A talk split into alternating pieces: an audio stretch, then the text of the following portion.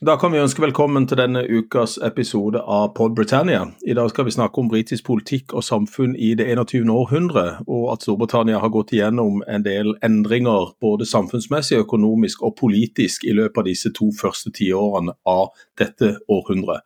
Politikken er blitt mer uforutsigbar. Det snakkes om et broken Britain, eh, og vi har sett en del endringer som vi må diskutere i ukas utgave av podden vår, Pod Britannia. Mitt navn er Erik Mustad, og med meg har jeg min gode venn eh, Øyvind Brattberg.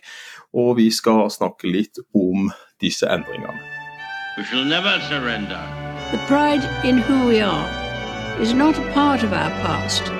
It defines our present and our future. The people of Scotland have spoken. England, Scotland, Wales, Northern Ireland, together, taking us forward, unleashing the potential of the whole country.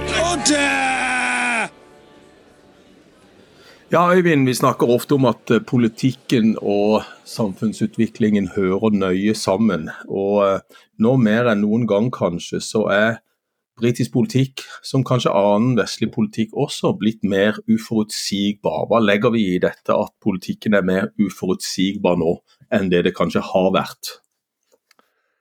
Politikken er i alle fall mindre bundet av eh, gamle lojaliteter, og, og for Storbritannias del så gjelder det vel særlig klasselojalitet. Dette var jo regnet som, som Det er en veldig forslitt eh, frase, dette med klassesamfunnet i Storbritannia, men rent politisk så hadde klassestemmegivning mye for seg. At, de, at, at sosial struktur kunne si oss mye om hvor folk hørte hjemme politisk. Eh, og man kunne dermed også legge til grunn at, at velgere var nokså stabile, ikke bare i politiske eh, preferanser og ønsker, men også i, i partitilhørighet. Og det er jo, i, Den lange etterkrigstiden den, den, den var jo preget av, eh, av nettopp dette i, i Storbritannia. Et, et, stabilt bilde og et nokså stabilt styrkeforhold mellom to store eh, partier. Og så skjer det jo åpenbart noe fra i løpet av 19 80-tallet. Vi kan gjerne gå så langt tilbake med Margaret Thatcher og en, og en sånn markedsliberal dreining, høy, store høyrebølgen i, i, Storbritannia, som kaster om på både på klasseforhold og politiske konkurranseforhold. Eh, og det endrer jo premissene noe. Og siden den tid så tror jeg man kan si at, at uh, det meste har akselerert og nettopp gjort ting mer uforut, uforutsigbare. Og det knytter seg både til, til Eh, til flerkulturelle samfunn og til, til, kulturell endring, teknologisk endring. Et, et samfunn som, som, stadig lar seg drive i nye retninger. Og to store politiske partier som har svart på disse utfordringene, også på litt uforutsigbart vis. Og underveis har de skubbet litt rundt på egne, eh, egne velgergrupper og skapt et, et veldig blandet bilde hvor både mm. statsvitere og andre eh, forståsegpåere har vanskelig for å henge med i svingene. Mm. Og, og, dette har vi jo sett kanskje spesielt etter slutten av Labour i 2010, da Gordon Brown måtte takke av som statsminister på vegne av Labour, eller New Labour, og man fikk da den første valgte koalisjonen mellom de konservative og liberaldemokratene mellom 2010 og 2015. Eh, men så har da eh, disse endringene pågått i flere tiår, eh, og, og, som du sier, de fleste statsvitere er vel enige om at det var en del endringer på 80-tallet der inn i, eh, i Margaret Thatchers tiår i Storbritannia og, og Ronald Reagans tiår i, i, USA, kanskje.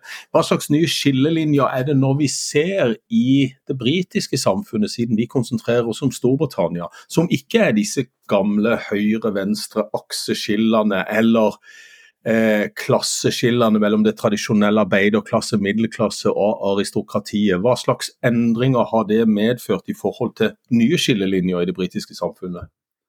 Det er jo vanlig å sette et, et, et nytt skille på, på, tvers, kan man si, eller en ny skillelinje på tvers av den gamle venstre-høyre-aksen, som jo handler om, om, økonomiske spørsmål, om skatt og velferd og statens rolle og sånt. Og denne nye aksen handler eh, om um, verdier. Det er de fleste enige om. Nøyaktig hvordan man definerer ytterpunktene der, er ikke så godt å, å få, å få taket på. Der er det mange, mange versjoner, men det, men det knytter seg til verdier og et, et, noe som man kan betegne som et liberalt ytterpunkt, møter en, en, en verdikonservativ motsats i, i, andre enden. Og For Storbritannias del så er jo så er, er vi jo så eh, heldig stilt, kan man si, at man kan jo zoome inn på brexit-avstemningen og si at eh, mye av denne verdikonflikten den kom til uttrykk i, i hva ulike deler av folket mente om brexit, om Storbritannias utmelding av EU. Og så har samtidig den, den uh, brexit-prosessen med alle dets uh, heftige debatter bidratt til å forsterke denne typen konflikt også på andre samfunnsområder, hvor mange av de samme gruppene faller ned på bemerkelsesverdig like posisjoner. holdt jeg på å si, At mange av de som, som eh, ønsker Storbritannia ut av EU, faller ned på en verdikonservativ posisjon når man snakker om, om innvandring og integrering, eller man snakker om båtflyktninger, eller man snakker om eh, respekt og, og oppslutning om, eh, om, om, eget lands tradisjoner. og om det er mange, mange spørsmål, mange eh, forbløffende aktuelle samfunnsspørsmål hvor brexit har, slags, har, fått en slags formende kraft på andre eh, debatter og konflikter i det britiske samfunnet. Og her, her, tror jeg vi nærmer oss noe av, av, kjernen. At i dette litt sånn uforutsigbare, stadig skiftende eh, politiske landskapet, så kretser mer og mer om verdispørsmål og akkurat når det gjelder verdispørsmålene, så er det ganske forutsigbart hvor ulike velgere står. Og de står da gjerne i, i, i en annerledes flokk enn det man kunne eh, forvente ut fra den gamle høyre-venstre økonomiske konflikten. Og Det så vi kanskje eh, sist, eh, men ikke minst, eh, med, med, oppturen og nedturen til Boris Johnson, denne voldsomme valgseieren han vant i 2019. Eh, hvordan så vi i, i, dette resultatet fra 2019 at eh, de, de, gamle konservative stemmene ikke stemte konservativt lenger, og de gamle Labour-stemmene ikke stemte Labour lenger? Dette er jo, et, et, uh, dette er jo en, en, en, en utrolig interessant utvikling. For var det noe Boris Johnson maktet, virkelig maktet ved å slå på brexits store tromma og, og, get brexit done, så var det jo å, mm. å samle EU-skeptiske velgere fra alle leire, så å si. Inkludert en verdikonservativ arbeiderklasse utafor storbyen. Mennesker som har vært del av, av Labours velgergrunnlag i, i, mange, mange år, og som har vært litt sånn løs, løsrevet fra den gamle lojaliteten gjennom, gjennom det siste tiåret. Og nå landet de i den konservative eh, leiren, eller, eller mm. under mm. Boris Johnsons fane. Og ved dette valget, ved dette fenomenalt gode valget for de konservative i, i 2019, så, så, var det vel slik at tre av fire brexit-velgere stemte konservativt. Og mm. vi vet jo fra 2016, folkeavstemningen, at, at brexit eh, mobiliserte mange arbeiderklassevelgere. Og de har da gått videre fra å stemme uh, Storbritannia ut av EU i 2016 til å lande i den konservative leiren uh, tre år senere. Og det er ikke først og fremst av økonomiske grunner, men rett og slett av kulturelle eller verdikonservative grunner. At man ønsker et sterkt og patriotisk Storbritannia, og man ønsker måte å stå opp for tradisjon og autoritet på, på et vis.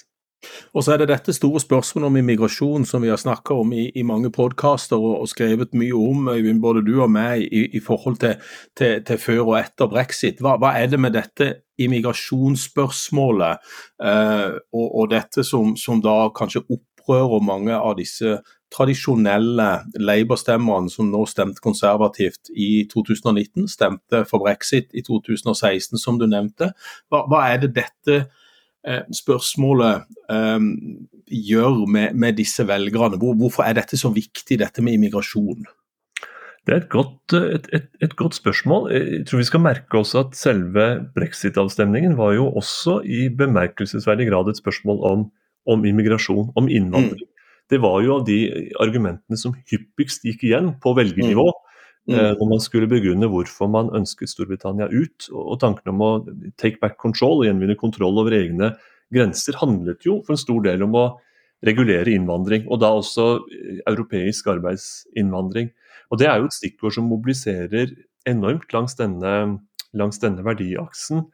Eh, og De som ønsker å, å, bremse og regulere innvandring, da, da, dreier det seg både om, om den, den, polske, den, polske, rørlegger, holdt jeg på å si, og, og mm flyktninger og arbeidsinnvandring fra andre deler av verden. Det er mye som, som legges i samme samme gryta, kan du si, og som handler om at, at man må gjenvinne en slags kontroll, vende tilbake til en, en situasjon, et land man kulturelt kjente bedre før, og et samfunn som er tydeligere, har en tydeligere verdistruktur eller en tydeligere um, autoritet og, og, aksept for hvor man kom fra som nasjon, istedenfor å oppleve seg at man stadig måte, flommes over av, ny, av nyankomne. Men her er det jo veldig mye som har forandret seg også. Det, er er du som er kapabel til å trekke de litt sånn lengre linjer. For det var vel noe her som, som skjedde fra 1990-tallet og fremover, og som de to store politiske partiene kanskje ikke helt fanget opp konsekvensene av?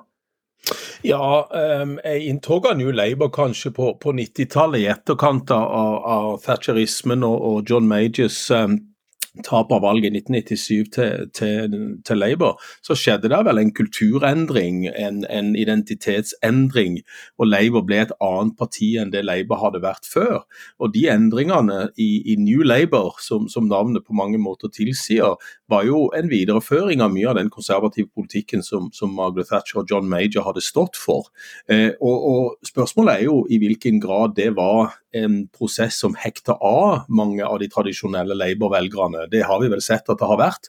Eh, både i valget i 97, 2001 og 2005, som var de tre valgene Labour vant. Og de har jo ikke vunnet eh, et valg siden 2005. Eh, Så spørsmålet her er jo i, i hvilken grad begge de politiske partiene eh, gikk bort ifra uh, denne tradisjonelle uh, stemme, um, eller denne uh, velgeren som, som, stemte tradisjonelt Labour eller de konservative på 50- og 60-tallet, hvor godt over 90% stemte på de to store partiene.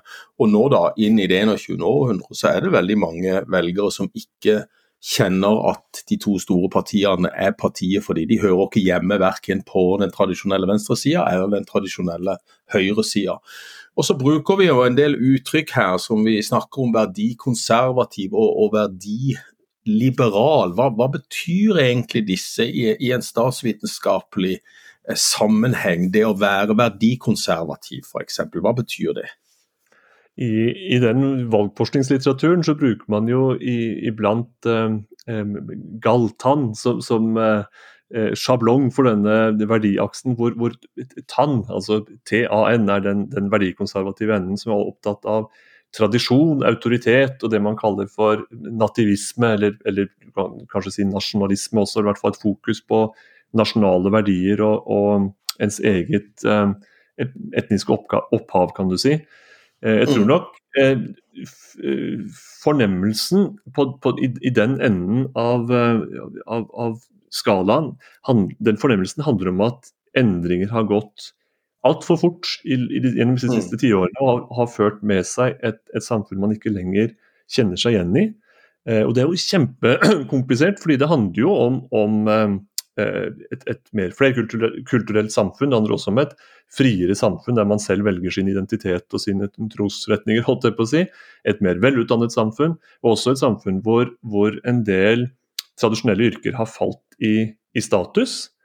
Eh, og dette jo, går jo igjen i flere sånne klasseanalyser fra, fra senere år også. At, at, mange av de som har vært tradisjonell arbeiderklasse, ikke, de, de, er ikke nødvendigvis så, så dårlig stilt økonomisk. F.eks. så er det mange som har, har fast eiendom og har, har, en brukbar økonomisk status, men de har på en måte falt av karusellen på andre områder og kjenner seg ikke igjen blant disse høyt utdannede, eh, liberale, utadvendte, globaliseringsvennlige folkene i byen, de, de, de, de føler, det føles som at, at, man er fremmedgjort i eget land. Og det er denne mm. eh, basen som Boris Johnson spesielt har appellert til gjennom brexit-kampanjen og det som har fulgt etter, etterpå. En slags sånn appell til grasrota, og om du vil, at det er vanlige folks tur. Mm, og Det er jo det som vi, vi, snakker litt om i forhold til verdiliberalismen også. Denne nye eliten som det snakkes om i akademiske kretser i Storbritannia. Den velutdanna eliten som er i byen, eh, og, og som, som, har rotfeste i det, det hyperglobaliserte samfunnet, som det sies, Eh, i de nye finansielle strukturene, i, i, eh, i um, de kosmopolitiske samfunnene, altså i bysamfunnene, kontra disse tradisjonelle tradisjonalistene som da eh, bor i andre eh, deler av, av, Storbritannia. Og Det snakkes jo mye om denne nye eliten, og du var inne på dette med utdannelse og, og, dette med at de som sitter og styrer nå, eh, kanskje er lenger vekke fra tradisjonalistene, altså lenger vekke fra det vi kaller vanlige folk. Eh, og, og, Mange har vel da følt i Storbritannia at eh, det er jammen på tide at det er vanlige folks tur, men de opplever vel kanskje enda eh, snart et helt parlament etter at Boris Johnson lovte både 'leveling up' og bedre økonomiske tider for Nord-England, at vi ser ikke noe av dette enda. Og dette er vel da med å, å eh, ja, eh, fører til større avstander mellom de som styrer og, og, og disse som, eh, som, da ikke føler at de har en stemme lenger i det britiske samfunnet. Det der, det der er veldig, veldig, interessant, fordi det, det illustrerer at, at økonomi og, og, sosial ulikhet i litt sånn økonomisk forstand, det har en litt løs kobling til disse verdispørsmålene. Mm. Eh, og det kan iblant være eh, nokså forvirrende. Fordi Boris Johnsons eh, prosjekt for de konservative Vel snakket han om, om leveling up som en veldig tydelig økonomisk, sosial utjevning. Men gjennomføringen av det har jo vært mye mer eh, symbolpolitikk. Mm. Eh, at, at, vi skal være ekte patrioter og vi skal vise at vi har, vi har måte appell til grasrota og kan heise flagget og, og snakke varmt om, om, både de kongelige og andre, andre aktuelle parter, men det har ikke nødvendigvis så tydelig relasjon til økonomisk rettferdighet eller sosial utjevning. Og Der er det nok en del velgere som har blitt nokså forvirra underveis også, fordi mm. man har fått høre mer om, om, konservative verdier, i hvert fall høre mer om det, men man har ikke sett så mye til andre varianter av, av måte, respekt for the common man. Det, det skjer ikke nødvendigvis så mye mer enn at man snakker litt annerledes enn man gjorde før, og det er nok frustrerende. Mm. Og så er det da denne nye eliten som ofte blir anklaget for å styre for seg selv. De er mer opptatt av egne verdier eh, og konsolidere sin egen makt. Eh, og at de glemmer folket, de glemmer de de egentlig er valgt inn til å representere. Og at de bryr seg mindre og mindre om folks interesser der ute. Og, og dermed så, så, mister da eh, politikerne kontakten med de de faktisk skal styre over, de de faktisk skal representere. Eh, hvordan er det annerledes nå da, eh, i, i 2023 og inn på, på, på 2020-tallet, kontra det det var f.eks. på 70-, 80- og 90-tallet? Det er vel jeg, jeg, tror kanskje noe av, av, av kjernen her ligger i, i en, en, eh, at den andelen høyt utdanna folk, og, slags, og de som både er høyt utdanna, bor i byen, Eh, andelen der har, har, har, økt, og kanskje har forskjellene mellom den gruppa og, og, de andre økt også når det gjelder hva man tror på og hva slags verdier man slutter seg til. For, for den større måte, debatten der handler jo Det er jo litt sånn, sånn eh, mangel på politisk tillit er jo en viktig del av det, men det er også litt bredere knytta til de største eh, mediene, knytta til byråkratiet, knyttet til hvem som på en måte får definere hva som er riktig å mene og tro. At, at man mener at det er en, en mm. sånn litt venstrevridd eller sånn liberal elite som får diktere betingelsene. Og Den eh, beskyldningen sitter nok sterkere i dag, den er i hvert fall mer framme i lyset i dag enn den har vært i, i, i tidligere tiår. Men Ser vi Øyvind, at dette her er reelt, eller er dette sånn på tegnebrettet for oss akademikere at vi sitter og leter etter disse årsakene i forhold til identitet, eh, utdanning, eh, det, det, det, tradisjonelle versus det, det, byorienterte eller det kosmopolitiske, som det heter, med, med globalisering. Eh, er brexit f.eks. et uttrykk for at dette er tilfellet, eller er dette sånne teoretiske strømninger som vi er glad i og kanskje trekker noen slutninger ut ifra og sier at det er sånn, sånn, sånn og sånn? Er den britiske virkeligheten virkelig sånn? Jeg tror det råder en del eh, forvirring omkring disse, disse tingene, både i det politiske liv og blant de som forsøker å analysere analysere politikken. For det er åpenbart at det rører seg noe her. At vi, at vi mm. lever i, i en, en, tid hvor, hvor, verdikonflikter og det man kaller for identitetspolitikk er veldig framme i lyset. Mm. Eh, og at det ofte blir mer heftig debattert enn de faktiske materielle omstendighetene eller økonomiske konsekvensene. At man er mer opptatt av hvem du er og hva du tror på, enn hva som egentlig er konsekvensene for, for mm. et dagligliv og, og, og slikt. Og, og det, det, er jo unektelig et fokus i, i uh, den offentlige debatten, også i aviser og sånn. Uh, så det er jo reelt at man har denne typen konflikter. Men iblant bidrar dette fokuset til at man, at man retter baker for smed, kan du si. At man, at man begynner å uh, anklage hverandre på, på, på, et merkelig grunnlag. Mm. fordi man diskuterer verdispørsmål der man egentlig er opptatt av noe annet. F.eks. at man er opptatt av sosial urettferdighet i, i form av hvem som får, får, muligheten til gode liv, og hvem som får muligheten til, til gode jobber og, og, vekst og velferd osv. Så, videre. så det går litt i, i, går litt i ball, eh, i den grad man, man, man fokuserer på, eh, på verdier i en del sammenhenger hvor debatten strengt tatt burde handlet om, om, andre ting, hvis man er opptatt av folks ve og vel, tror jeg. Ja, og politikk kanskje, for nå begynner vi å nærme oss et parlamentsvalg i 2024. Antagelig til høsten neste år så vil det være et parlamentsvalg. Og, og også i disse eh, mer akademiske kretser så snakkes det jo om, om, populisme, økning i populisme som vi har sett. Vi har snakka litt om Boris Johnson eh, og valget i 2019, og, og litt om brexit og, og dette. Og, kanskje kollapsen av Labour. Eh, den, den eh, bevegelsen fra, fra, New Labour for å, å, å, kanskje bevege seg inn mot sentrum, sentrum venstre. Eh, og så fikk man da partiledere Eh, etter Gordon Brown eh, med, med, med Ed Miliband og, og, og, Jeremy Corbyn. og Skjedde det noe annet i Labour under f.eks. Jeremy Corbyn enn det det skjedde under Gordon Brown og Tony Blair? Eh, ble Labour mer den stemmen for den tradisjonelle arbeiderklassen under Jeremy Corbyn enn det det f.eks. var under New Labour og Tony Blair? Jeg vil ikke, vil ikke påstå det. Nei. jo Man kunne kanskje tro det, for her får man på det tidspunktet man får en genuin gammel, gammeldags sosialist i ledelsen, så vil man på en måte finne tilbake til røttene og alt det.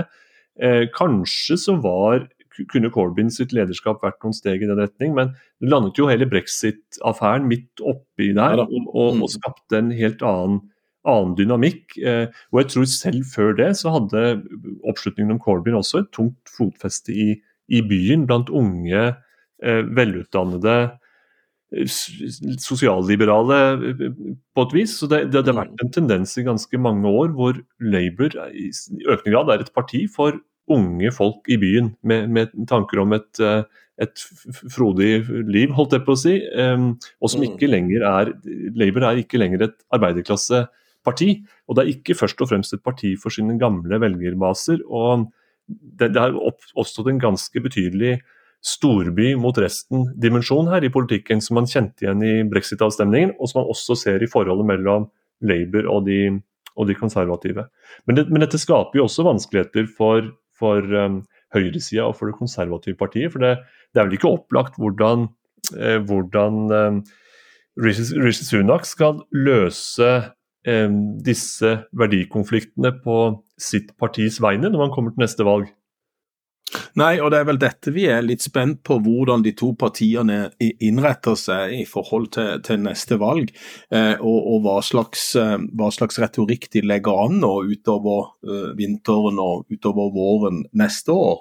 Eh, hva er det de ønsker å oppnå? Snakker de om politikk? Snakker de om symbolpolitikk?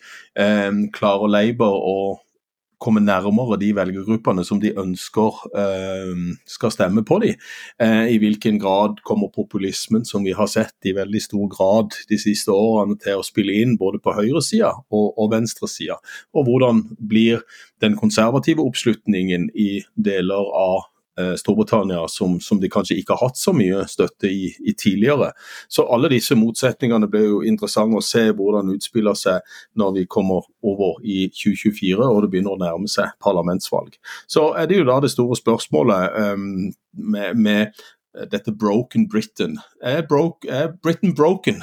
I, den, i, den, I, den, forstand som vi på en måte ofte leser om nå, med, med, med dette som, som, har med identiteter og, og verdispørsmål, kulturkriger, alle amerikanske kulturkriger. Er Storbritannia på samme utviklingskurve som vi har sett i USA? Hvis man skal lete etter um, europeiske land som, som um, trekker retning amerikanske konflikter, så er det ofte Storbritannia man ser til først. Mm. Uh, og det er jo et, et, slektskap der, det er det jo absolutt. Enten man er opptatt av, av um, uh, Black Lives Matter-bevegelsen eller uh, synet på, på kjønnsidentitet eller andre sånne noen av disse temaene er jo litt, litt pussige å trekke inn i sentrum for politikken, men de har blitt viktige i en del, eh, i en del sirkler. Men jeg tror ofte det er overspilt, eh, også når det kommer til, det kommer til stykket. For jeg, jeg, jeg, vil i hvert fall spå at ved, ved, det kommende valget, når man kommer dit hen, så vil det Man kan være redd for å snakke, si det ene eller andre om, om båtflyktninger eller om, om kjønnskonverteringsterapi eller, eller, hva det måtte være, eller om eller om ulike verdier som settes opp mot hverandre.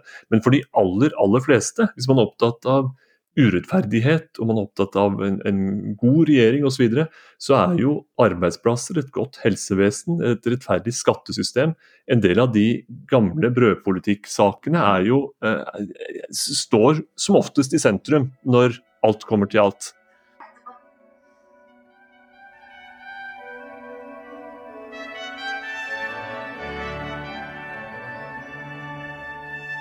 We shall never surrender.